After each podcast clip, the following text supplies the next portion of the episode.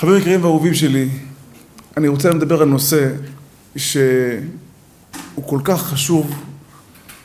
כל נושא שאנחנו מדברים פה, ברוך השם, נושאים חשובים, נושאים יקרים, אבל במיוחד הנושא הזה לחברים של המדרשייה שלנו. כמובן, ברוך השם, השיעור פה הוא מבוסס על צעירים וצעירות, ולכן הנושא הזה כל כך חשוב לבני הנעורים. כי הבחורים שנמצאים פה זה בעצם בחורים שברי מזל, הם זכו להיכנס לספינה לפני שיהיה מאוחר. נכנסו להיכנס לרכבת לפני שיהיה מאוחר. למה? יש אנשים, עכשיו דוגמה, עכשיו הייתי בערוץ כמה בחורים, אני התלבטתי להגיד להם בואו לשיעור תורה, לא, לא, לא תגידו לשיעור תורה, בגלל שמיהרתי, אמרתי אני לא, צריך בשביל להביא בחורים למדרשייה, צריך לפחות שלוש-ארבע דקות. לא קרה, יאללה בוא למדרשייה, בטוח לא יבוא. ראיתי שאין זמן, אבל אמרתי מסכנים, איזה חבל, כמה כואב לי, אני כל כך עובד שהם יבואו לפה ללמוד תורה. למה? כי מי שנכנס לפה זה בן אדם שגילה את אמריקה, איך שאומרים. הוא מכיר את העולם, זהו. הוא, איך שאומרים, הוא כבר חבר מועדון. הוא בתוך המועדון, עכשיו רק צריך מזל וברכה מבורא עולם, שימשיך ויבין וישכיל ויתקדם ויגיע לשלב הנכון, איך שאומרים, לגול, למטרה. אז הנושא הוא בעצם איך נהנים מהחיים באמת. אנחנו כולנו פה בעולם הזה, באנו לפה ליהנות. שאף אחד לא יטעה אתכם. אני תמיד אומר את זה, מי שלא נהנה מהחיים, מי שסובל מהחיים האלה, לא רק שהוא טיפש, הוא גם כופר. חייב ליהנות מהחיים.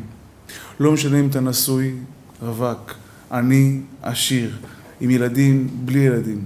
כשאין לך הנאה בחיים האלה, אתה אדם אומלל לא בגלל שאתה לא יכול ליהנות. אתה יכול ליהנות, בגלל שאתה חסר לך ידיעה איך נהנים מהחיים. אתה חייב לדעת ליהנות מהחיים, ולומדים איך עושים את זה. כל אחד ואחד היום שנמצא פה, אני בטוח שאנחנו ביחד באמת נלמד איך נהנים מהחיים. אנחנו מאוד מאוד אה, משוחדים מפרסומות. למה? אדם שרואה פרסומת, ויגידו לו עוד פעם ועוד פעם ועוד פעם, נכנס לה לראש. והראיה הכי גדולה, קוקה קולה ופפסי. לכו באמריקה, תראו מה יותר אוהבים לשתות? פפסי. בארץ ישראל, קוקה קולה. למה? כי פפסי השקיע יותר כסף בפרסום באמריקה. פה הם לא השקיעו, קוקה קולה השקיעו פה כסף בפרסום, טעם נרכש, נכנס לך יודע שזה טעים, ונגמר הסיפור. וזה מה שמאיימים ועושים לנו הטלוויזיה, החדשות, הסלבריטאים וכל האנשים בעצם שמפיצים את ה... כביכול את התזה שלהם בעולם, אז אנחנו רואים את זה ורואים את זה ורואים את זה. לצערי הרב אנשים מבולבלים, אנשים לא יודעים.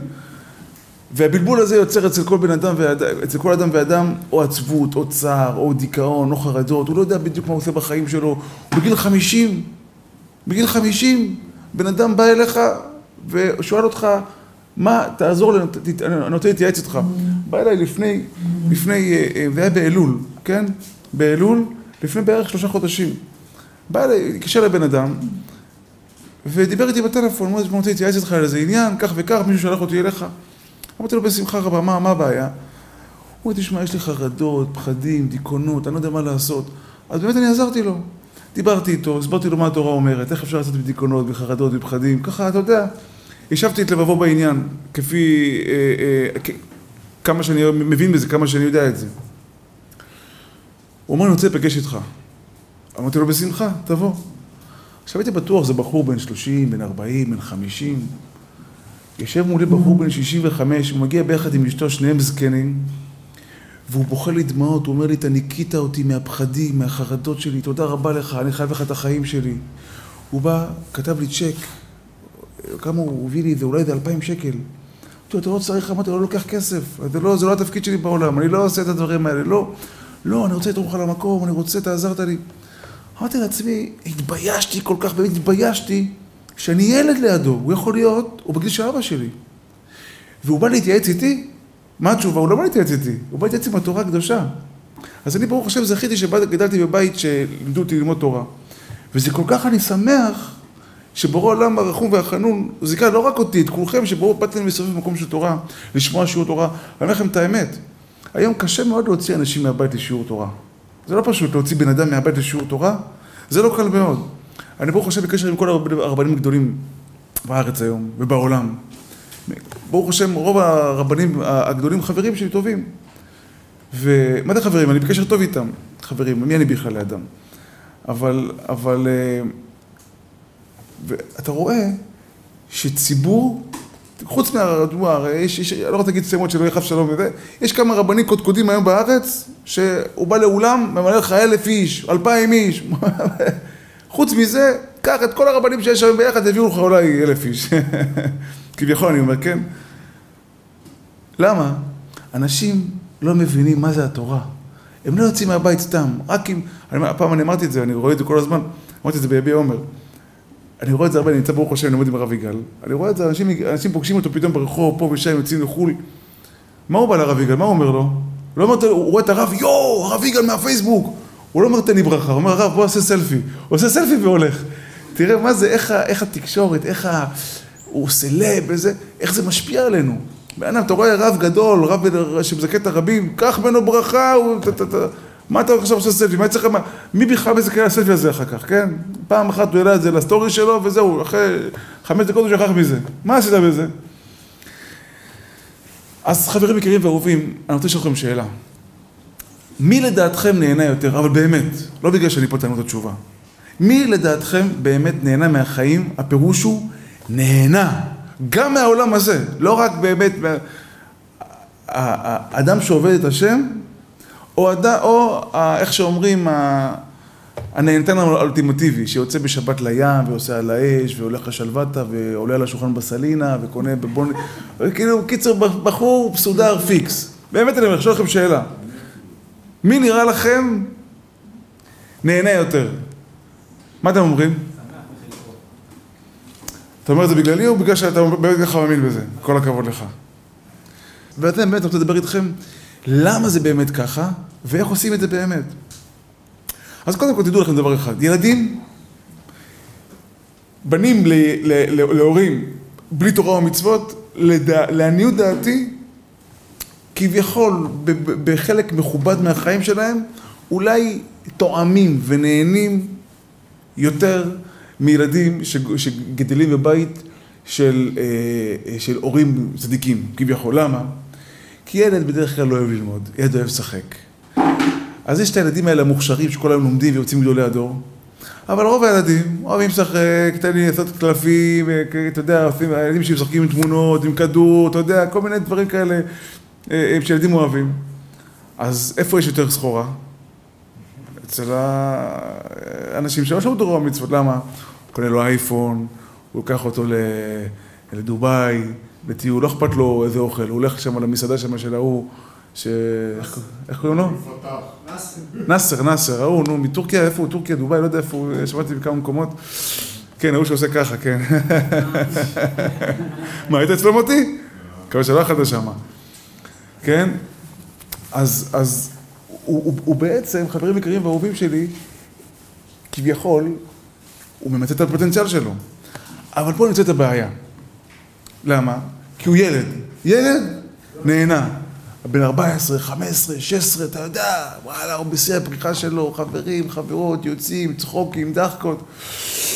למרות שגם שם יש הרבה הרבה הרבה בעיות, והרבה הרבה בעיות קשות אפילו. אני פעם לא, לא אשכח את זה שהייתי הולך ברחוב להביא את החברים היקרים והאהובים למדרשייה, אז פגשתי אה, קבוצה מהצופים.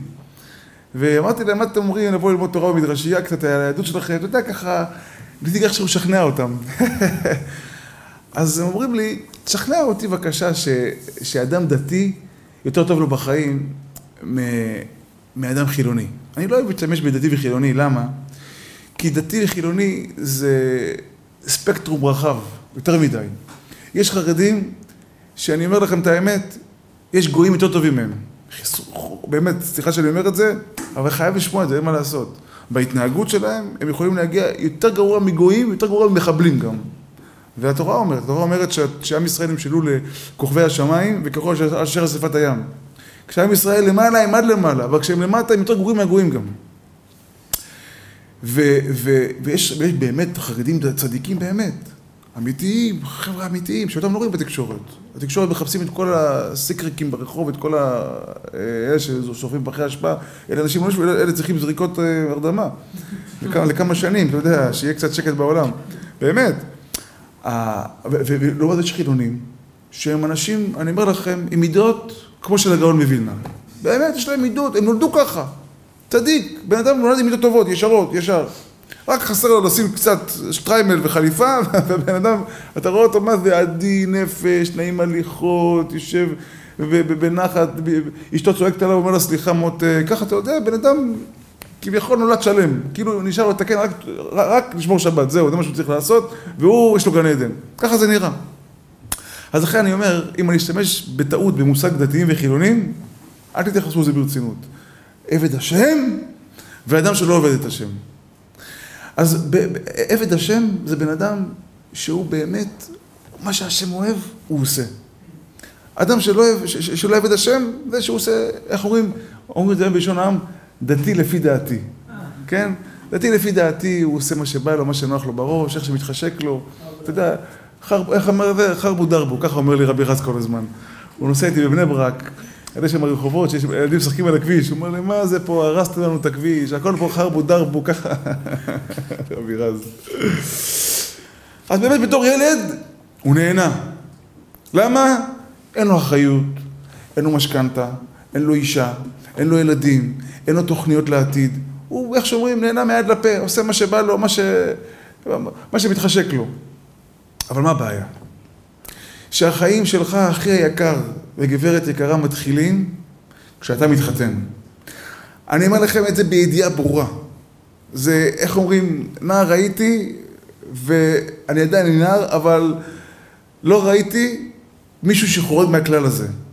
מתי מתחילים לך החיים? כשאתה מתחתן. עד החתונה הכל היה משחקים, הכל היה, אתה יודע, הכנה לחתונה. כשאתה מתחתן, נכנס לתחת החופה, מתחיל להיות משהו רציני. ואם אתה לא רצית, תתגרש בסוף. כאילו חיים רציניים, אדם שרוצה לתת בחיי נישואין חייב להיות רציני. אבל פתאום הוא נכנס לחיי נישואין והוא רואה, לא הכנתי כלום. לא התכוננתי. אתמול נפגשתי פה בלילה עם איזה בחור אחד פה בחוץ. פה ליד פה בטבקו. ואמרתי לו, מה קורה איך שהתגעגעתי אליך וזה, מה קורה? הוא בן 28, למה אתה לא מתחתן? הוא אומר, אני פה בזוגית ברוך השם שלוש שנים, הכל בסדר. אז התחתן? הוא אומר מה אני אגיד לך? אתה צודק, אצלכם החרדים הכל טוב. אמרתי לו, למה? הוא אומר, אתם תמימים, מתחתנים בגיל 21, אם יש מריבה, הכל בסדר, ואין אף אחד שאתה יודע, ירים את הכל יותר מדי. אתה יודע, הוא, הוא עשה אותנו כאילו בגן עדן כבר, הוא לא יודע שגם שם יש לו, לא כולם מרקים דבש, כן? אבל כאילו הוא רואה הכל, הכל ירוק, הכל ורוד. אמרתי לו, ומה קורה אצלך? מה הבעיה אצלך? הוא אומר, אתה יודע מה הבעיה? אני כבר יצאתי כבר עם, עם כל כך הרבה בחורות. בהתחלה הכל טוב, אחרי חצי שנה יש מריבה. ואז אתה אומר, אולי לא מתאימה לי, אני לא רוצה לחתן כזאת אישה. אז אתה מחליף בחורה. ואז עם השנייה, אתה שנה שלמה הולך איתה פיקס. שנה שלמה, הכל בסדר, אתה יודע, פה יש להם ויכוח, הכל טוב, פתאום אחרי שנה, פיגוע, בלאגן, צרו, חרבות. אה, לא נראה לי שהיא תענה, איך היא צרחה עליי? אני לא מסוגל, אחרי חתונית תעשה כדבר, אני לא יכול לסבול את זה. הוא, הוא, הוא לא רוצה להמשיך איתה. הוא אומר, עכשיו אני שלוש שנים עם בחורה, הוא אומר, אני רוצה לעזוב אותה. אתה יודע, למה? הוא אומר לי, רבנו אתמול בדיוק. הוא אומר, איזה מריבה היא רבה איתי, אני אתחתן איתה? עכשיו אני אומר לעצמי, אם הבחור הזה היה מגיע למדרשייה, הוא היה זוכה בחיים שלו מתנה. תכף אני אגע בזה, שנייה אחת, אני, אני, אני רוצה, אני מקווה, מתפלל לבורא עולם, אבא שבשמיים תרחם עליי, שנזכה להגיד לכם את המילים הנכונות בסדר הנכון. קצת קשה לדבר על הנושא הזה, נושא מאוד מאוד טעון, מאוד מאוד כבד, כי אנשים יכולים לחשוב שאני בא מיורה חס ושלום. שאני מדבר פה, אתה יודע, מלמעלה, למה? כי אני דתי, ויש אנשים שומעים אותי ולא דתיים, אה, אתה מפרגן לעצמך, בטח שהחיים שלך יותר טובים, למה? כי אתה דתי, אם היית ההפך, תדבר ההפך. השם עדי, אני אומר פה רק דברים ש, שאני מאמין בהם במאה אחוז, ולא מפי אני מדבר, מדבר מהתורה הקדושה. שימו לב מה התורה הקדושה אומרת על אברהם אבינו. ואלה ימי שני חיי אברהם, אשר חי מעט שנה ושבעים שנה וחמש שנים. הבן אדם חי 175 שנה, אתם יודעים מה זה 175 שנה? זה בערך כפול שלוש מהגיל שאנשים חיים פה בדרך כלל, בערך. אדם בדרך כלל חי פה 70 שנה, אתה יודע, לפני, לפני 100 שנה, לפני הרפואה המודרנית, אנשים מתים בגיל 40, 45. הבן אדם הזה חי 175 שנה. תחשוב כמה דירות הוא יכול לקנות, סתם אני צוחק, רץ. אומרת התורה, ויגבע וימות אברהם בשיבה טובה, זקן ושבע, ויאסף אל עמיו. רבי מוטי, איזה משפט זה. האדם הזה הלך לעולמו זקן ושבע. אומר, אני, אני לא אומר לכם כלום מעצמי, אני קורא לכם. אומר הרמב"ן הקדוש, מה זה פירוש זקן ושבע? שראה כל משאלות ליבו ושבע כל טוב. הבן אדם נהנה מהחיים מקסימום. תגיד לי, אתה, אתה יודע מה? תגיד לי, מי באמת נהנה מהחיים? סתם, תגיד לי היום, היום, יש לי שאלה לך, מי היום נהנה יותר מהחיים? סליחה שאני אומר לך דוגמה, אני לא אגיד אותה כי זה לא יפגע באף אחד. קח היום את הבן אדם הכי מצליח בעולם, כביכול, זמר מפורסם, ויש לו מעריצים ומעריצות, וכסף ודירות, ויאכטות, והוא נוסע לדובאי כל שבועיים, במיאמי, וכולם מסביבו כל היום מחקרים ורוצים להיות אותו אחד.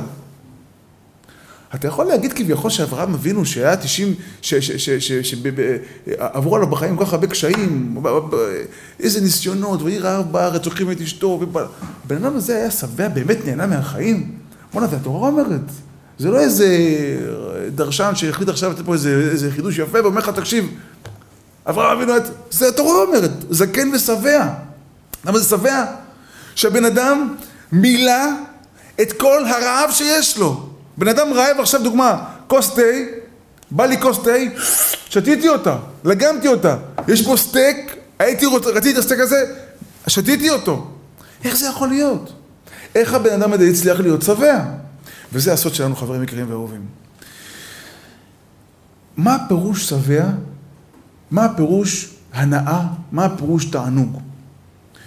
תענוג זה בן אדם שהוא בעצם ממלא את החיסרון שלו. יש לך חיסרון, ואתה נהנה ממנו, אתה, אתה, אתה, אתה ממלא אותו ואז אתה נהנה. דוגמה, רבי ליאור, עכשיו אתה רוצה ללכת לאכול סטייק. אתה נהנה מהסטייק או לא מהסטייק? לא בטוח שאתה נהנה מהסטייק. למה? תלוי. יפה מאוד. אם אתה רעב, אתה נהנה מהסטייק, אה, כל ביס, אתה אומר, השתבח שמך, אבא שבשמיים, איזה טעים, תודה רבה לך, בורא עולם על הפרה שהבאת לי לאכול. אבל, אם אתה לא רעב, אתה לא תהנה מהסטייק. עכשיו תקשיב, יש פה שתי סטייקים. אכלת אחד, היית שבע, היית רעב ונהנית, שבעת. הסטייק השני, מאותה פרה, אותו נתח, אותו טעם, אתה לא יכול לנגוע בו. אתה לא יכול להסתכל עליו. אכלת כבר 500 גרם, אתה לא יכול לאכול. אתה מפוצץ. למה אתה לא נהנה? כי אין חיסרון. ברגע שאין חיסרון, המילוי לא מענג אותך. אתה לא תהנה באמת. שימו לב איך זה עובד בעולם שלנו. אנחנו, ברוך השם, כל היום אוכלים, שלוש פעמים ביום, רעב, אוכל, רעב, אוכל. הרבי אביב, רעב, אוכל, נכון? ככל שאתה יותר רעב, ככה אוכל יותר טעים. אתה, אתה, אתה, אתה, אתה, אתה יום שלם לא תשתה מים, אחרי צום, כמה כיף לאכול, אה? שתית מים, וואי, איך זה מרווה אותך, רבי מוטי יקר, זוכר ביום כיפור מה היה? אחרי יום כיפור, היה פה את העוגות, ככה ישבנו, אכלנו, ככה קצת אבטיח, כל נתח של אבטיח זה כאילו סטייק אנטריקוט. למה? אתה רעב. אדם בא לעולם, ויש תאוות. אני אומר לכם את האמת, התאוות של העולם הזה טעימות. אין ספק ואין דילמה, כולם מודים שהעולם הזה זה עולם טעים. כביכול. אתה לוקח סוכריה, אתה טוען, אתה נהנה או לא נהנה? נהנה. אתה הולך עכשיו לשלוותה, ליל שישי, חמישי בלילה, מה זה, מפוצץ, איזה אווירה, איזה ריקודים, איזה כיף. נהנה או לא נהנה? טעים. אגב, אתם יודעים למה קוראים שלוותה שלוותה? אתם יודעים למה? שלוותה זה, מי שלא יודע, זה שם של מועדון, כן? עכשיו, עכשיו, הייתי קורא למועדון, לא שלוותה, אלא קפצת. למה? זה קופצים ורוקדים, נכון? ככה אני יודע, נכון? למה קוראים לי שלוותה? שלוותה, אמרתי את זה לרב ישראל, לא ידעתי, אמרתי את זה לרב ישראל לוי היום, לא יודע איך הוא יודע את זה גם בעצמו, אה, מישהו אמר לו את זה גם, כן. הוא אמר לי שיש בית משוגעים שנקרא שלוותה. אז כביכול הכותרת של המקום הזה זה כאילו, פה זה בית משוגעים, בוא לפה תשתגע על החיים. עכשיו, אני אומר, הכל טוב. אדם באמת שנכנס לכזה מקום, באותם רגעים, באותם שלוש שעות שהוא שמה, אולי הוא נהנה, אולי לא, אני לא יודע. מה המבחן, רבי רז היקר? אחרי שהוא יוצא. האם נהנית או לא נהנית? לא. הוא לא נהנה, הוא מרגיש ריקנות, ריקבון, למה עשיתי את זה, איזה שטויות. עכשיו, יותר מזה אני אגיד לכם. קחו עכשיו בחור ישיבה, תכניסו אותו לשלוותה.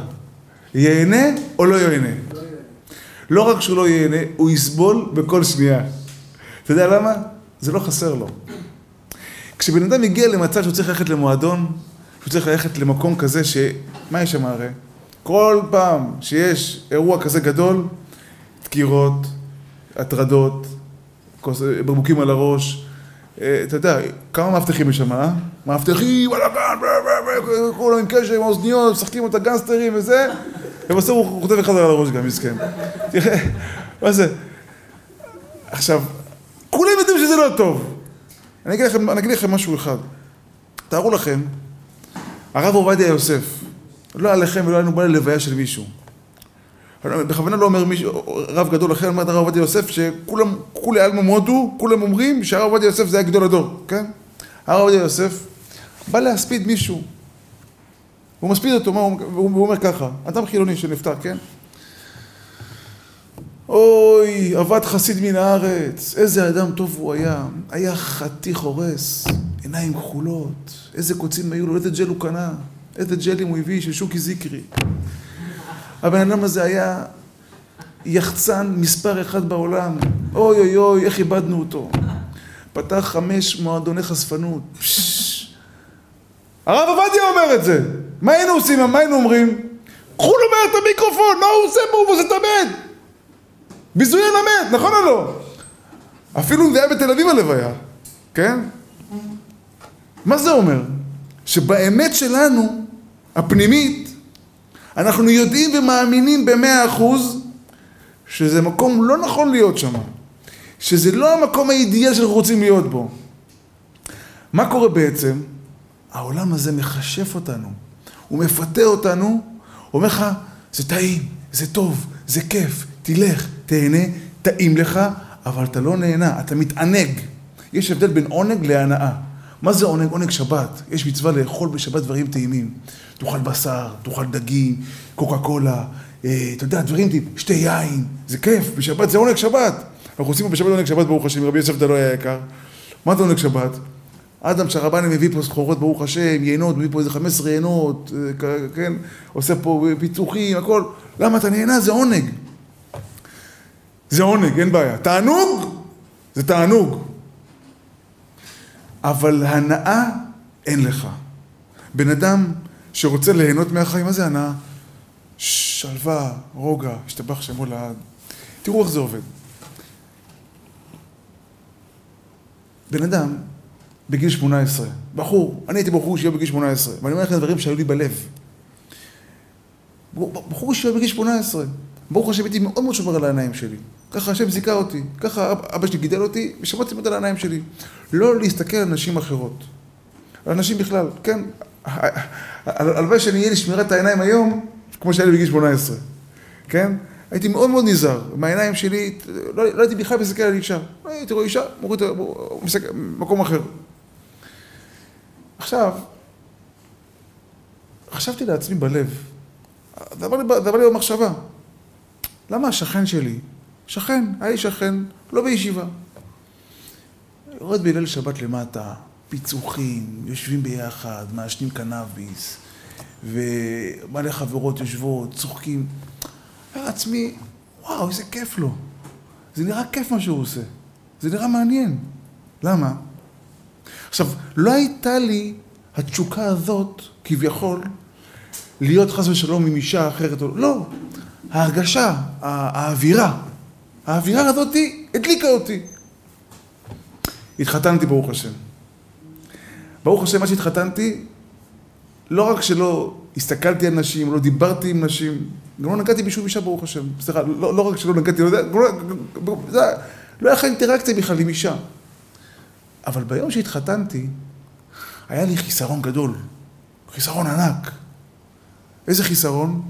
של 21 שנה שאני בכלל לא יודע מה זה אישה. היום אבל, ביום שהתחתנתי, החיסרון הזה לוקח לו זמן להתמלות. לוקח לך 70 שנה למלא את החיסרון הזה. 70 שנה לוקח לך. ולא זו בלבד, אלא אחרי שבועיים שאתה עם אשתך, אחרי חודש, מישהו אומר לך, אופס, עצור, אני רוצה עוד חיסרון. עוד שבועיים עכשיו תחכה לה, תתגעגע אליה, יאללה, עכשיו יש לך עוד מילוי. אנשים שלא חכמות אומרות, אני אלך למקווה, אני אלך ל... אני, אני לא אשן עם בעלי באותו לילה? את לא נורמלית, גברת. את עושה לעצמך טובה, לעצמך. כי אם בעלך יתרגל אלייך, זה הסוף שלך. את תהיי מסכנה. בחור בגיל 14 הכיר בחורה.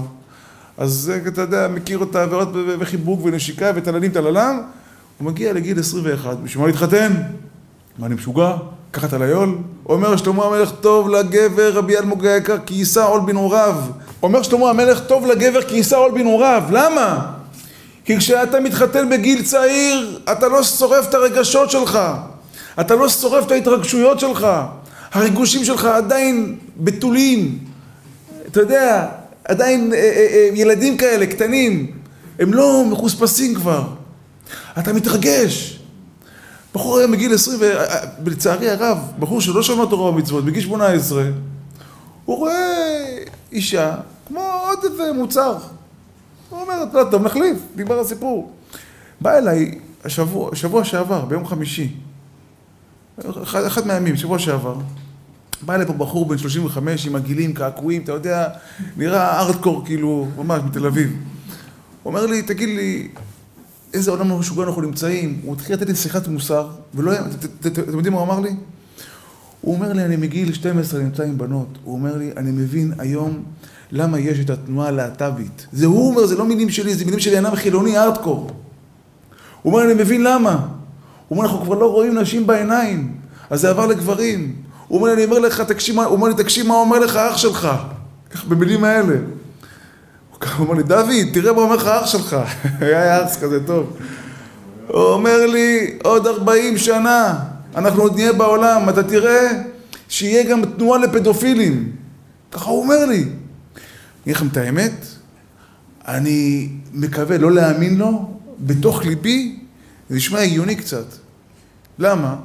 כי לפני מאה שנה לא היו לפני, לפני 250 שנה לא היו, לא היה כזה דבר תנועה חילונית בעולם. אין, לא היה חילונים בעולם. היה בחור שרוצה, או ערב טוב צדיק, היה בחור שרוצה, אתה יודע, לעשות עבירה, היה יוצא מהעיר, עושה עבירה בשקט, מעשנים בשבת, שם בושם על היד, שאף אחד לא ישים לב, חוזר בחזרה לבית כנסת. זה היה פעם בחור, אתה יודע, שהתפלק לו.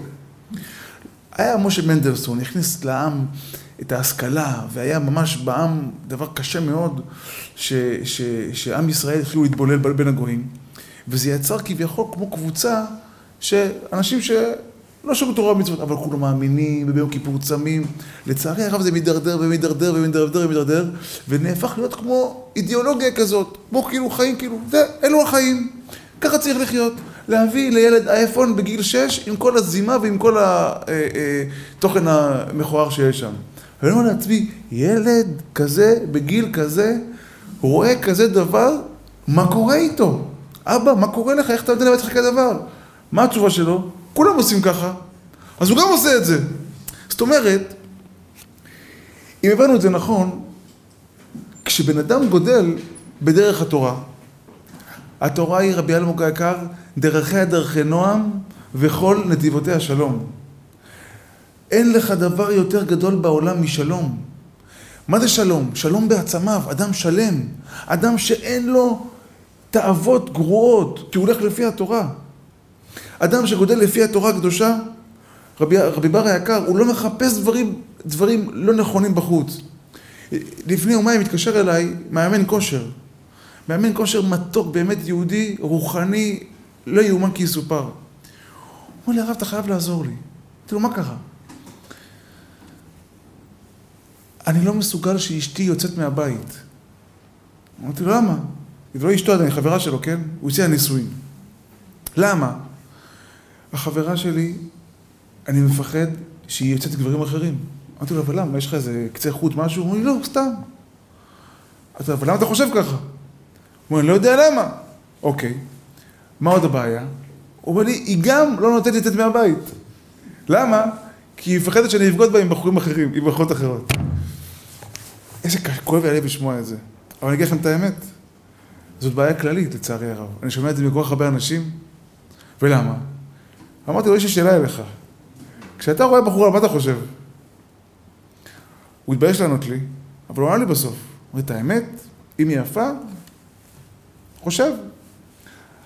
עכשיו, אמרתי לו, האם אתה חושב שגם אשתך ככה חושבת? ברור. אמרתי לו, לא רק שזה ברור, זאת הסיבה שכשאתה חושב שאשתך יכולה על גברים אחרים, זה רק בגלל שאתה בעייתי. אם אתה היית שומר על העיניים שלך, אם אתה היית אומר לעצמך, אני לא מסתכל על נשים אחרות. אתה לא היית חושב לרגע שאשתך, חברה שלך, תחשוב על דברים כאלה. כי כתוב בגמרא, הפוסל במומו פוסל. אתה הוא זה שגורם את החרדות ואת הפחדים שאשתך תצא מהבית. יותר מזה אני אגיד לכם. אמרתי לו, ברוך השם, ישבתי איתו שיחה, שיחה ממש ארוכה, במשך שעה שלמה, בעדינות. הסברתי לו כמה הוא צריך לחזק אותה, את הביטחון העצמי שלה, כי בן אדם שמפחד שאשתו בוגדת בו, או אישה שחושבת שבעלה בוגד בה, זה, זה, זה, זה, זה, זה אישה שאין לה ביטחון עצמי. זה בעל שאין לו ביטחון עצמי. אדם בלי ביטחון עצמי, מה הוא חושב? אולי אני לא מספיק טוב, אולי אני לא מספיק מושלם, אולי אני לא מספיק מספק אותה, אולי אני לא יפה מספיק, אז אין לו ביטחון עצמי. אבל כשאדם יש לו ביטחון עצמי, אה, אתה יודע, לפני יומיים שאלתי את אשתי, אמרתי לה, תגידי, יש לי שאלה אלייך. סליחה שאני אומר לכם את זה, אבל זה, זה קרה עכשיו, לכן אני זוכר את זה, וזה דבר שהייתי מספר, ואתם אהובים שלי, אני אספר לכם את זה. לפני יומיים, הרב בנימין אמר לכם שהמשרד פה דאות, האור פה דלוק עד השעות הקטנות של הלילה, הוא לא טעה, זה אמת. אני לפעמים מגיע לבית בשעה שתיים לפנות בוקר, לפעמים מגיע בארבע לפנות בוקר. לפני 12 בלילה אין למה לדבר, נכון רבי רז, אתה מכיר את הקונספט.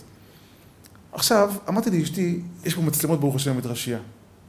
אמרתי לה, קחי את הקוד של המצלמות, תסתכלי עליי מדי פעם, תראי, תראי את הפעילות, תראי את הדרשה, תראי מה נעשה במשרד, סתם שיהיה לך את זה. היא אומרת לי, מה לך, אני משומעת, עזוב אותי מהדברים, אין מה לעשות בחיים. היא לא לקחה את הקוד של המצלמות. טוב, עכשיו תגידי לי, כשאני מגיע בשתיים לפנות בוקר, למה את אף פעם לא שואלת אותי מה עשית, איפה היית, עם מי היית? למה את לא כאילו, מה, את לא חושבת שאולי אני, אני בוגד בך? ככה אמרתי לה. באמת ככה שאלתי אותה. זה היה אחרי השיחה עם הבחור הזה בטלפון. באתי לבית ועמד לי בראש, אמרתי, בוא'נה, כל הזמן אנשים מדברים איתי על זה, אני מפחד שהיא בוגדת בי, אני מפחד שהוא בוגד בי, אני מפחד שהוא בוגד בי. אמרתי, מה, איזה עולם משוגע זה, מה זה העולם הזה, למה הם מפחדים? אמרתי, אני חייב לשאול את אשתי, מה הסוד שלה? היא אמרה לי, אתה יודע למה? כי אני יודעת שאם תעשה משהו לא לעניין, זה רק הפסד שלך, זה לא הפסד שלי. איך היא אמרה לי? לא מעניין אותי, תעשה מה שאתה רוצה. זה דבר ראשון. דבר שני, היא אומרת לי, אני יודעת שאם אתה תרצה לעשות משהו רע, אני בטוח לא יודע מזה. ותסיר את זה ממני, נכון? אז אני לא יודע מזה. אז זה שאני אשאל אותך איפה היית, אני איך זה יעזור לי? זה לא יעזור לי. זאת אומרת, יש בינינו אמון הדדי, אנחנו אוהבים אחד את השני, זה מספיק. מי שלא חכם, מי שלא מבין את החיים, יבגוד, טיפש, הפסיד, נפל, התרסק, והחיים שלו נגמרו. כשאתה מבין את העוצמה של התורה הקדושה, דרכיה דרכי נועם וכל נתיבותיה שלום, רבי רוי היקר, זה לא עובר לך בראש. אתה מתחתן עם אישה, היא יוצאת מהבית, היא לבושה, ברוך השם בצניעות, שתלך, שתהנה, שתטייל. אני שולח את אשתי מדי פעם לאמריקה, לא למשפחה שלי, לכי, תעשי טיול, שבוע וחצי, שבועיים, תהני. כשאנשים אומרים, אתה משוגע, מה היא עושה באמריקה? זה אנשים, זה, זה מחשבות של אנשים שיש להם וירוסים בראש. אדם שאין לו וירוסים בראש לא יחשוב על כאלה דברים. למה? כי הוא לא יכניס לראש שלו מידע כוזב. תראו מה קרה לי כשאני שמעתי מאנשים, זה בוגד, זה בוגדת, זה בוגד, זה בוגדת. מה הלכתי? הלכתי לאשתי, איך את לא חושבת ככה? אתם מבינים? הם הכניסו לי שטויות לראש. אז את האמת שאלתי אותה בשביל להבין, לחקור את הנושא הזה קצת, בשביל גם לדבר איתכם על זה. אבל תראו חבר, חברים יקרים ואהובים שלי, כמה אתה מציל, רבי מירל היקר והאהוב, כמה אתה מציל את עצמך, איזה חיים טובים אתה מקנה לעצמך, כשאתה מנתב לעצמך חיי תורה. חיים על פי התורה הקדושה שבורא עולם אומר לך, אל תסתכל על אנשים אחרות, הוא בעצם אומר לך, אני רוצה שתהנה מהחיים, רבי אביב, לך צר המתוק, אני רוצה שתהנה מקסימום מהחיים. אתה רוצה שאני אהנה? תן לי לשטוף את העיניים! אומר לך בעולם, לא! זה יעשה לך רע! למה? תחשבו שנייה אחת, שההוא שהיה בדזרט, השם ירחם עלינו. אתה יודע מה זה דזרט? אה, ליד השלוותה, תראה, בגוגל. לצערי הרב, אני לא אף פעם לא הייתי שם, ברוך השם, לצערי הרב אני שומע את זה ככה מהחברים, ברוך השם. לא רק, לא, לא, אתה יודע מה, לא לצערי הרב. אני ביקשתי מבחור אחד שילמד אותי את התלמידים האלה, שיש אנשים שלא יודעים, שחייב להסביר להם את המקומות הנכונים. כן, לצערי הרב, באמת, היום הנוער הולכים במקומות האלה. דבר איתם בשפה שלהם, הם יבינו, דבר איתם ביידיש, לא יבינו, אין מה לעשות. בא אליי בחור אחד בראש העין, הסביר לי מה זה דזרט, מה זה שלוותה, מה זה סלינה, מה זה ליידה, וואי, וואי, איזה, איזה שמות, זה שמות של מלכי חבלה זה, כן? כן, מלכי חבלה רבי אביב. עכשיו בחור באמת נכנס למועדון, כן? הוא נהנה או לא נהנה? הוא לא נהנה, הוא מתענג. נכון, הוא מתענג עכשיו ברגעים אלו שהוא נמצא שם, הוא מתענג. יש לו אישה בבית הכי יפה בעולם. הוא חוזר לבית שלו, הוא לא יאהב אותה, לא יהיה להם אהבה בבית. עכשיו, איפה אתה רוב הזמן, בבית או במועדון? בבית, עם אשתך, עם הילדים, אתה בונה משפחה. אז החיים שלך בעצם בנויים 20 אחוז תענוג, 80 אחוז סבל. 80 אחוז מהחיים שלו סבל, ולכן הייתי, הייתי בים המלח, עם המשפחה שלי. היינו במלון של, אה, של דתיים. אני לא מציע ללכת למשהו דתיים בחופש. לך בזמן שלא בחופש. לחופש מלא נשים, לא, לא, לא כיף להיות שם. דוד שלי בא מאמריקה, בן דוד שלי, בא אליי, בא למלון בים המלח גם. הוא אומר לי, דוד, בוא לבקר אותי. אמרתי לו, אני בא. הלכתי ביחד עם אשתי, זה היה לפני עשר שנים. הלכתי ביחד עם אשתי. עכשיו, אצל הדתיים שם, מה קורה שם? יש בריכה 20, 20 מטר רבוע, מקסימום כאילו, משהו קטן כזה נחמד.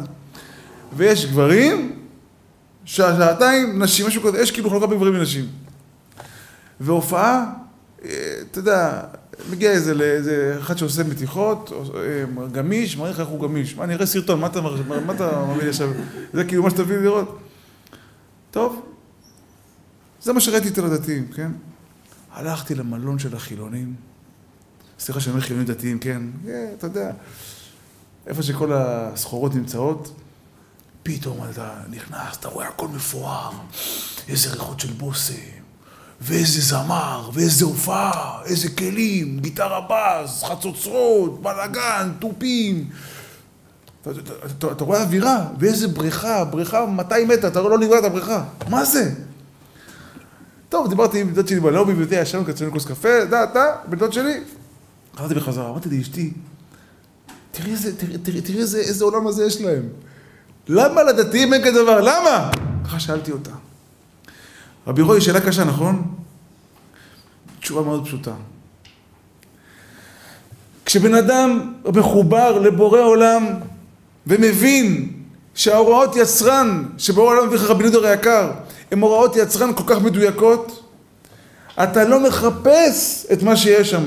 כי אותם אנשים שנמצאים בכזה מקום, וסליחה שאני אומר את זה, זה, זה נשמע יוהרה, זה נשמע לא טוב, אבל תאמינו לי, אני, אני בא הכי מלמטה בעולם, מאהבת ישראל, לכם אהובי ויקיריי, בחורים ובחורות צדיקים וצדיקות, לה, לה, להגיד לכם את הדרך הנכונה של בורא עולם, זה לא אני. אני בכלל, תוציאו אותי מהמשוואה בכלל. בן אדם שאין לו תוכן בחיים, הוא היה מתאבד אם לא היה לו כזה פנאי יפה, אם לא היה לו דזרט, ולא היה לו ככה, ולא היה לו ליצמן, ולא היה לו את ה... איך, איך זה נקרא? הבלנסיאגה, ויש לו את, ה... את החולצה הזאת, ואת הכפכף הזה, ואת הרכב הזה. הוא חייב את כל הדברים האלה בשביל שה-20 אחוז שיש לו תענוג בחיים האלה, נותנים לו את החשק להמשיך לחיות. לצערי הרב, אני יודע את זה בוודאות, תראו נתון סטטיסטי של משטרת ישראל, לא שלי. 1,500 נערים מדי שנה מנסים להתאבד, 500 מצליחים לצערי הרב. זה נתון שלפני שש שנים. לא יודע מה עכשיו, תבדקו את זה. לדאבון ליבי, נראה לי שיותר. אבל תבדקו שנייה אחת בבקשה מכם, האם יש שם בתוך ה-1500 הללו עבד השם אחד. לא אומר חילוני או חרדי, לא. עבד השם אחד יש שם? בהבטחה אני אומר לכם שלא. אני אגיד לכם למה? עבד השם בוטח בהשם. כשיש לו משבר, כשיש לו כישלון, יש לו לאיפה לברוח.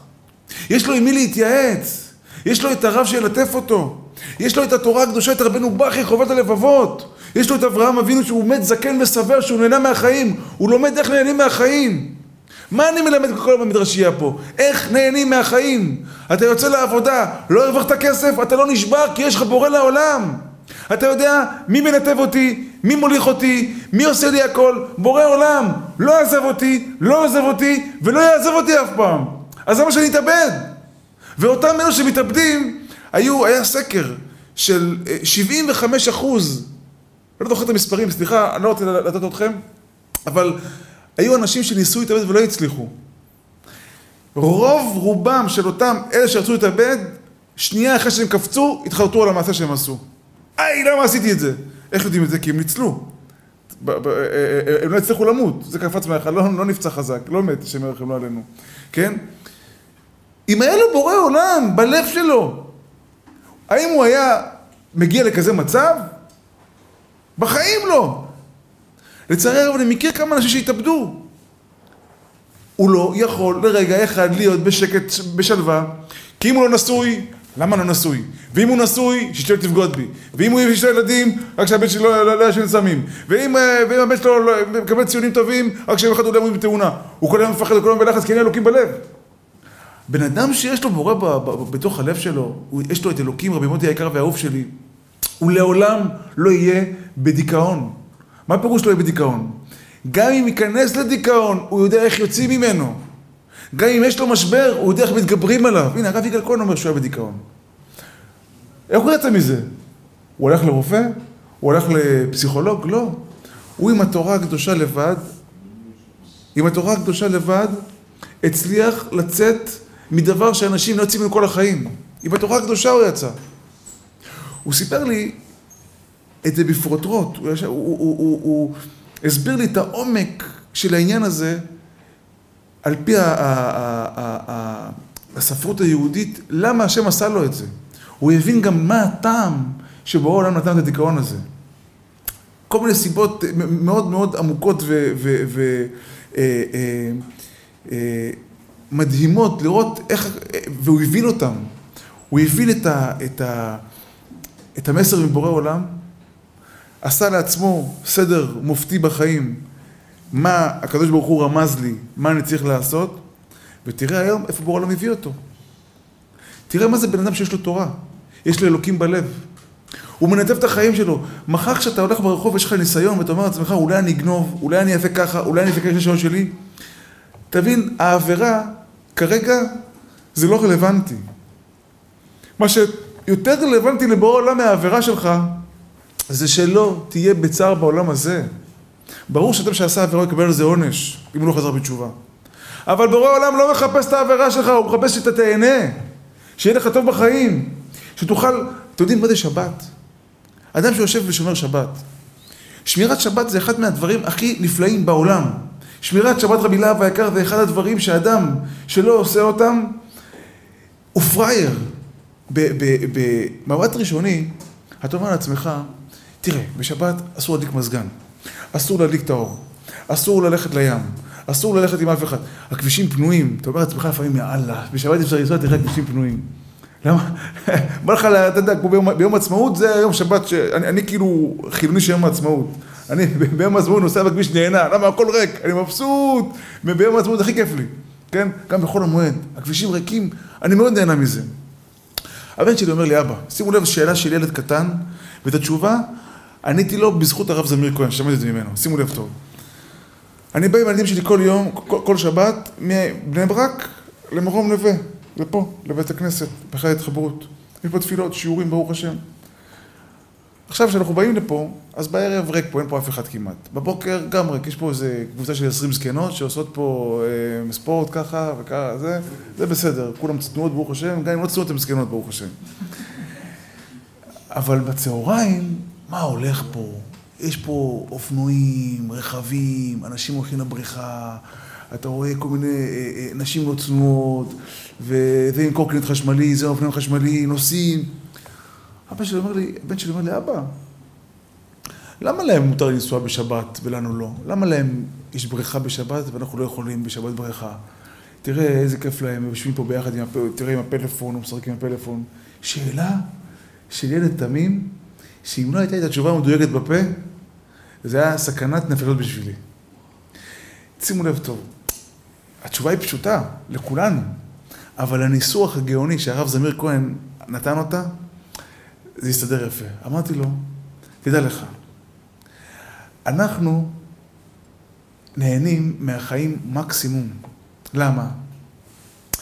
כי יש לנו גם אופניים, גם קורקינט חשמלי, גם על האש, גם בריכה, גם אה, אה, אה, פלאפון, יש לנו הכל.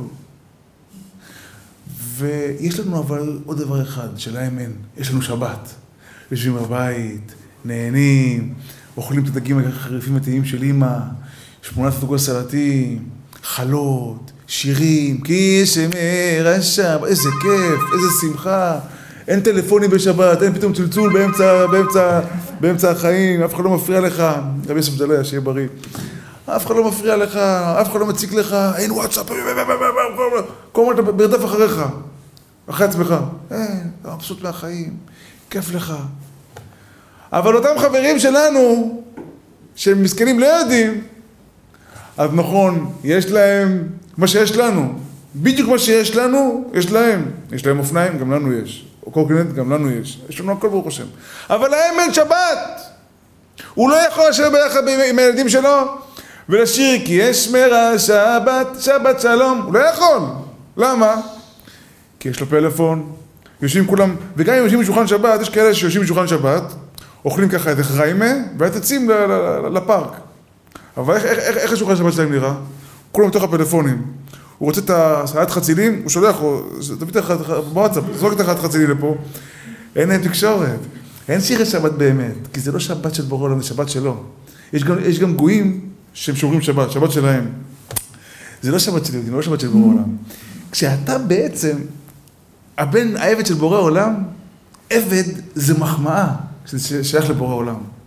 היום, אנשים, היום נשים, יש היום פמיניסטיות. מה זה פמיניסטיות? אנחנו רוצים שוויון. זה גם שיבוש. אין כזאת חיה שוויון. אין כזאת חיה. למה? כי אני גם רוצה להיות שוויון, אני רוצה להיות בהיריון. אפשר? לא! תהפוך את העולם, תעשה סלטות, אין הריון, לא תהיה בהיריון. למה? כי בורא העולם ברא את העולם, הפוך. תגידו לי, יש כזה מתי שיום אחד דג זהב, זה כאילו דג זהב באקווריום, שהוא יטרוף את הפירנה? לא שייך, נכון? למה? יש היררכיה, יש פירנה ויש דג זהב. יש, פיר... יש uh, כריש ויש דג פירנה, כן? יש בעולם דרגות. אתה, רוצה שיהיה שוויון? תעשה עד הסוף שוויון. למה חוץ לכבודכם, בית הכיסא, יש לנשים ולגברים? תעשה הכל ביחד, למה אף אחד לא עושה את זה? למה? אין שוויון, יש נשים ויש גברים. ככה זה העולם, ככה הקדוש ברוך הוא ברא את העולם. אם, אם הקדוש ברוך הוא היה רוצה שיהיה שוויון, היה בורא את כולם או גברים, או נשים, או אנדרוגינוסים, כן? למה הקדוש ברוך הוא עשה, עשה, יש, אה? אה? כן, עשה הפרדה. גם בעולם החי יש אריה ויש לוויה. הלוויה יש לה תפקיד, לאריה יש תפקיד, לכל אחד יש תפקיד בעולם. אז יש אנשים שרוצים שוויון, שוויון, שוויון.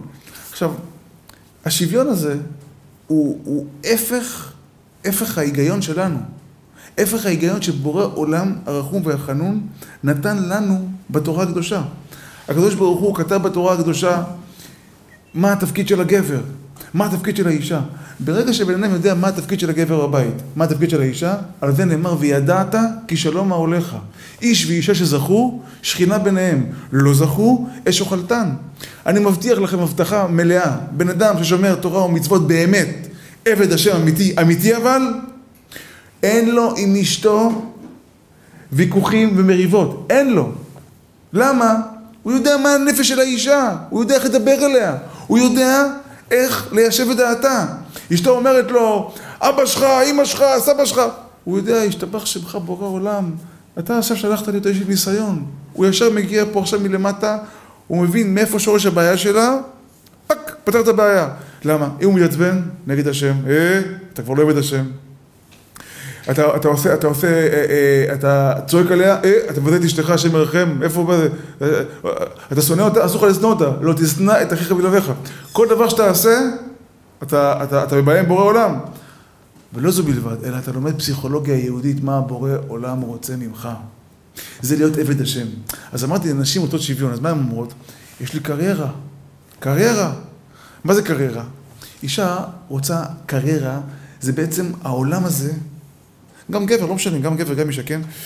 העולם הזה הפך אותנו לכמו שקר כזה. למה? שימו לב, דוגמה. רבי רועי היקר, אתה יודע איך קוראים במסעדות לשרימפס, קלמרי, כל הדברים האלה? פירות ים. אמר את זה גם הרב זמיר כהן, שמעתי את זה מהרב זמיר. למה קוראים לזה פירות ים? מה, פעם ראית סרטן דומה לפרי? אני לא ראיתי פרי בצורת סרטן. אני יודע שאבטיח לא דומה בכלל לסרטן. רבי סער, נכון? יפה. עכשיו יש לי שאלה לך, תגיד לי, אתה, אתה ראית אולי פעם, אה, אה, איך קוראים לזה? שרימפס בצורת תות? לא, נכון? שרימפס נראה כמו מקק יותר, נכון? ככה רק באותו, אותו, אותו צבע, אבל ככה יש לו כזה רגליים כאלה, לא, לא, לא נראה טוב. למה קוראים לזה פירות ים? השתבח שמו לעד. למה פירות ים?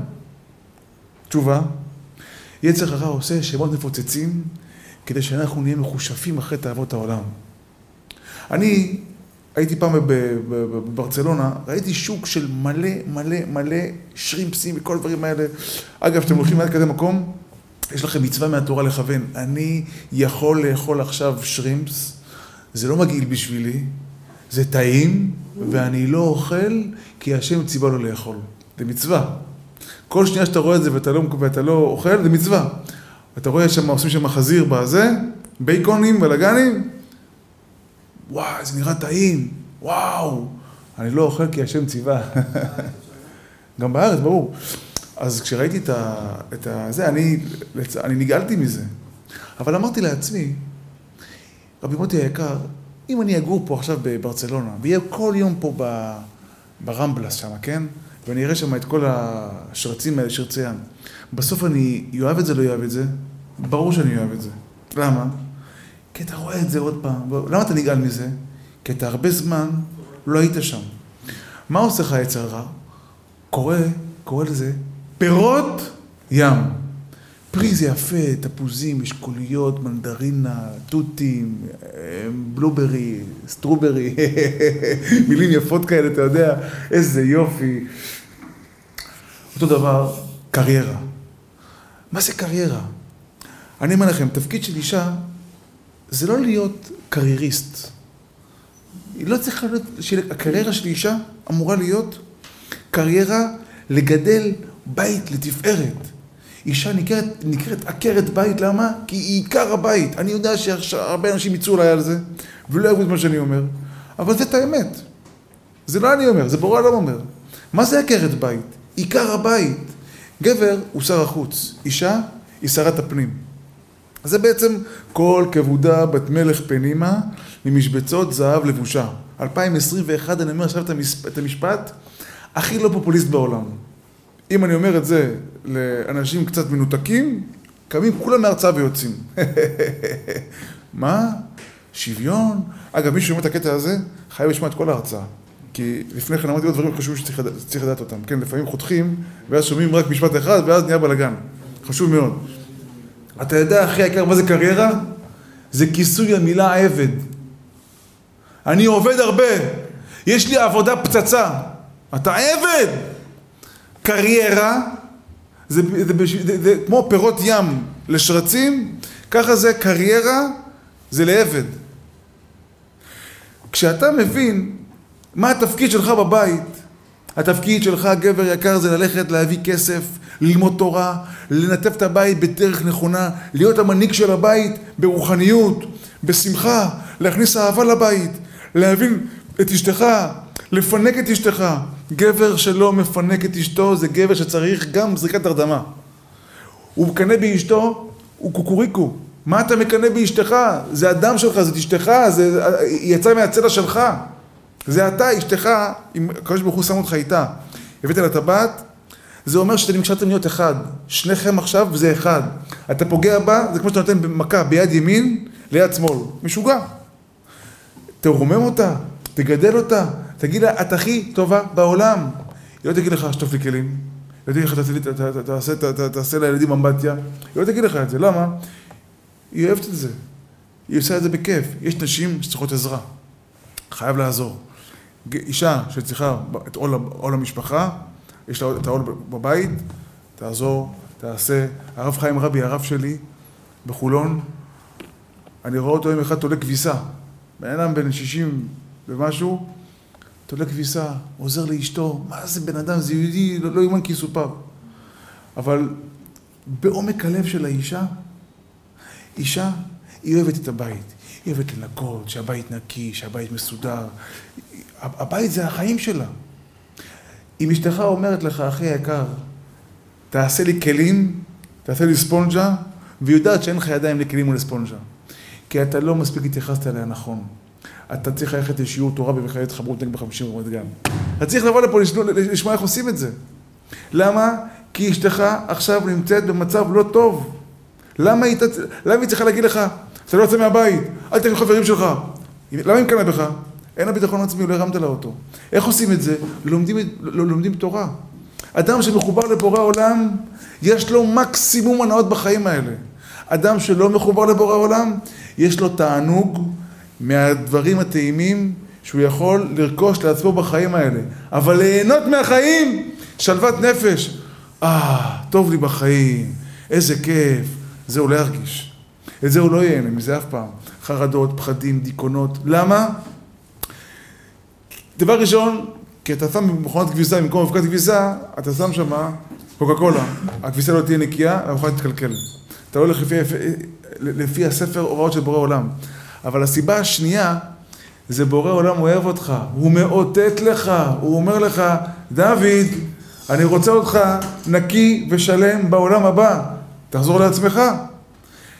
זה מה שאני רוצה, חברים יקרים אהובים. אני מרגיש שלא הצלחתי מספיק לנגוע בנושא הזה בשלמות. אני תכנתי לדבר קצת בצורה אחרת, ככה בורא עולם ניתב את הדברים, כנראה שזה מה שאנחנו צריכים לשמוע. אני רוצה רק לסיום לסכם את זה למשפט אחד. ההנאות שנראות לנו בחוץ, כל הדברים המיוחדים, שאתה רואה את החברים שלך הולכים עם כל מיני הופעות, אוף ווייט, ונעליים כאלה, ורכב כזה, ויש לו מסביבו מלא מעריצות, זה כיף באותם, באותם רגעים, זה תענוג. אבל אתה לא רוצה להיות שם. אתה לא רוצה להגיע לשם. אני רואה את האנשים המפורסמים, ש-99% מהנוער שלנו היו רוצים להיות כמותם, מגיעים להוריד דמעות אצל הרב יגאל כהן במשרד. אני רואה את זה בעיניים שלי. בא סלב, יש לו ביוטיוב איזה 20 מיליון צפיות. מה זה, אתה אומר לעצמך, תראה מה זה. זה, הוא רק יוצא מההופעה, כל הבנות, וואו! כל הגברים, תן לי חתימה. בן אדם הזה מגיע לרב יגאל כהן עם משקפי שמש, שלא יראו את העיניים שלו אדומות, ואני רואה נוזלות דומות, ככה, דמעות. מה קרה? מה קרה? הרב לא מדבר, אבל דיכאונות, חרדות, פחדים. מה? איך אבל? 99 אחוז מבני הנוער בישראל היו רוצים להיות במקומך. יא חביב אלבי. איך זה יכול להיות? מה התשובה? באמת אין שם הנאה. תענוג, תאמין, שהוא עומד בהופעה, והוא מרביץ ככה איזה שיר, וכולם מריעים לו, וואו, איך הוא נהנה. אבל הוא הגיע לפסגת ההנאה, היום בשביל להתרגש הוא צריך הנאה למעלה יותר, ולמעלה יותר. החיסרון שלו, החיסרון שלו גודל, ואז ההנאה צריכה להיות יותר גדולה. ואז הוא לוקח לו עוד פרויקט, ואז החיסרון שלו נהיה עוד יותר גדול. הוא כבר לא יכול לספק את ההנאות שלו עד שהוא מתאבד לו עלינו. כמו מייקל ג'קסון. מה היה חסר לו בחיים? הבן אדם היה מסודר מקסימום לכל הדעות. התאבד. למה? כמה אתה יכול אה, אה, להכפיל את הריגושים שלך? אדם שחס שלנו עלינו בגד באשתו. אני מבטיח לכם שהוא נהנה מקסימום, אין לי ספק. למה? כתוב בתורה, מים גנובים ימתקו. נהנית, נהנית, הכל טוב. אבל מה יצא לך מזה עכשיו? נגמרה ההנאה. שכחת מזה. היום יש לך אישה, יש לך ילדים, המשפחה נהרסה, גם אף אחד לא יודע מזה. אתה כבר לא תהנה בחיים מאשתך. לא יכול כבר, מאשתך, חסה לסיפור, איתה אתה כבר לא תהנה בחיים. למה? חווית משהו הרבה יותר גבוה מבחינת, מבחינת ההנאה. זאת אומרת, אם היום אתה רוצה ליהנות 100%, אתה חייב ללכת לפי התורה. למה? התורה מאזנת אותך. אומרת לך, הלו, תעצור, תמשיך, תעצור, תמשיך, תעצור, תמשיך. כל עצירה, רבי אביב היקר, נותנת לך, ששש, קפיץ. אופס, אתה ממשיך. עוד פעם, איזה חיים, איזה שמחה. אתה קם בבוקר, כיף לך, אתה שלם, אתה מאושר, כי אתה הולך עם הספר אורות של ברור עולם. אז הנאות, אין שמה, תענוג יש. מצד שני אבל, אדם שהולך לפי התורה, יש שם גם תענוג וגם הנאות. תאמינו, אוהב את החיים מאוד. אני לא איזה, איזה, אתה יודע, איזה חומני כזה, חסוך, שאני מאוד מאוד מכיר את החיים. אני, ברוך השם, מי שכל הבחורים במדרשה יודעים שאני כל שבועיים במיאמי, נכון? ברוך, לא שאני עושה את זה בשביל ללכת ליהנות, כן? אבל מכיר את החיים. נהנה מהחיים, באמת שאני נהנה מכל שנייה. אני לא חשוד שאני סובל, תאמינו לי. נהנה. ואני אומר לכם את האמת, אין לי דירה. אין לי בחשבון בנק פלוס, פלוס. אין. אני חי באמת כמו אברך. אבל מה? אני נהנה מכל שנייה. כי התורה מנתבת אותי. דוגמה, אני אגיד לכם דוגמה פשוטה. סליחה שאני קצת, קצת אה, אה, אה, אה, ממשיך, באתי כבר לסכם, אבל נזכרתי בעוד משהו חשוב. לפני שבועיים, הרב יגאל כהן כבר לפני חודש וחצי, מדבר על אמונות קבועות. הייתי מדבר לפני הרבה זמן, הוא... נקודות, נקודות, נקודות. והוא דיבר לפני שבועיים על אמונה קבועה שאנשים לא מושלמים. זה כתוב אגב בתורה. זה כתוב בתורה. העיר פרא אדם ייוולד. אדם לא נולד מושלם. אתה צריך לתקן את המידות שלך לאט לאט. עכשיו, אני דוד פריאוף, אני מכיר את עצמי, אני אדם אגרסיבי. נולדתי אדם אגרסיבי. מה זה אגרסיבי? דוגמה, אני אומר לכם, בגיל 16, 17, מישהו היה מתווכח איתי, רב איתי מכות ברחוב, אני הייתי מחזיר. הייתי עושה, אתה יודע, מספרת אחת, בישט, ככה. הייתי אוהב מכות, כן? הייתי אוהב להתווכח, הייתי אוהב אגרסיות. התורה עשתה לי סוויץ' בראש, שינתה אותי. שינתה אותי באמת במחשבה שלי. היום כשמישהו פוגע בי, אני חושב אחרת. מה קרה? לפני שבועיים יהודי אחד, חבר שלי, חבר שלי, לא רוצה להגיד יותר מדי פרטים, שפך את דמי. ממש ביזה אותי סתם, לא עשיתי לו שום דבר. באמת, כלום כלום לא עשיתי לו. עשיתי איזה מעשה, מעשה טוב ברוך השם. מישהו אמר, פרסם את המעשה הזה, בלי שאני אדע. ואז, לא משנה מה היה, ביזה אותי בפני אנשים שלא היה נעים לי לשמוע את זה. בכלל, בכלל, בכלל. עכשיו, אני מכיר את עצמי דוד פריאוף של גיל 15-16. הייתי שונא אותו. הייתי מוחק אותו מהחיים שלי. במקרה הטוב. במקרה הפחות טוב, הייתי מתנקם בו נקמה כל כך מתוקה, שהוא לא היה שוכח אותי לעולם. הייתי רודף אותו עד יום האחרון. ודוד פריאוף האגרסיבי. אני אומר לכם, הרב יקל דיבר על אמונות גבוהות, אז זה גם מסתנכרן לי במוח עם כל המידע שקדוש ברוך הוא נתן לי, בסייעתא דשמיא. אני אומר לכם, לקח לי שנייה אחת להגיד, אוף, מסכן, הוא לא מושלם, בסדר, הוא יתגבר על זה, לא, לא קרה כלום, ימשיך הלאה. אני אומר לכם, אמיתי, זה מה שעבר לי בלב. סיפרתי את זה גם לרב יגאל. התורה הקדושה נתנה לי נחת בלב. אם לא התורה, אני אומר לכם, הוא מסכן. אני בחיים לא אדבר איתו. אני לא אתייחס אליו בחיים. אני אתנקם בו. אני אעשה לו יום שחור. אני אעשה לו משהו. מה יוצא לי מזה? הייתי שורף כמה ימים רק לחשוב על זה. הייתי אוכל את הלב שלי. הייתי מדבר לשון הרע עם אנשים אחרים. היו רואים כמה אני רע. הייתי מוציא את כל הרוע. החוצה, ובסוף מה היה קורה? הייתי נשאר אותו דוד מטומטם, אותו דוד רע. למה? כי זה שעכשיו הוא פגוע, זה לא הוסיף לי כלום בחיים. ההפך, זה רק הזיק לי בחיים. תראה מה התורה עשתה. לקח לי, אני אומר לכם, לא יותר משנייה וחצי, צ'יק! מסכן, כנראה שהוא עובר איזה משבר, הוא לא מושלם, הוא בסדר, אני לא מצפה ממנו שיהיה מושלם. אני מבטיח לכם, אני אוהב אותו כמו שאהבתי אותו. אני לא שונא אותו. השם ידיש בספר תורה, אני לא משקר. אני לא שונא אותו. אם הוא ביקש לי משהו, אני אעשה בשבילו. אני אפילו לא אמרתי לו את זה. לא אמרתי לו, לא, הכל בסדר. הוא אפילו יודע שאני פגוע ממנו. אתם מבינים, חברים יקרים ואהובים? תראו כמה אנחנו יכולים ליהנות מהחיים האלה כשיש לנו את ברור העולם בתוך הלב שלנו. כשאנחנו מגיעים ברוך השם ללמוד תורה. ואני אומר לכם, אי אפשר להגיע לזה בלי ללמוד תורה. אדם שיושב ועוסק בתורה, הוא מצליח להכניס אליו לחיים דרכי דרכי נועם בכל נתיבותיה שלום. יהי רצון שנזכה לברכה, שמחה, הצלחה ונחת, ויהיו כל המשאלות, וכן יהי רצון ונאמר אמן.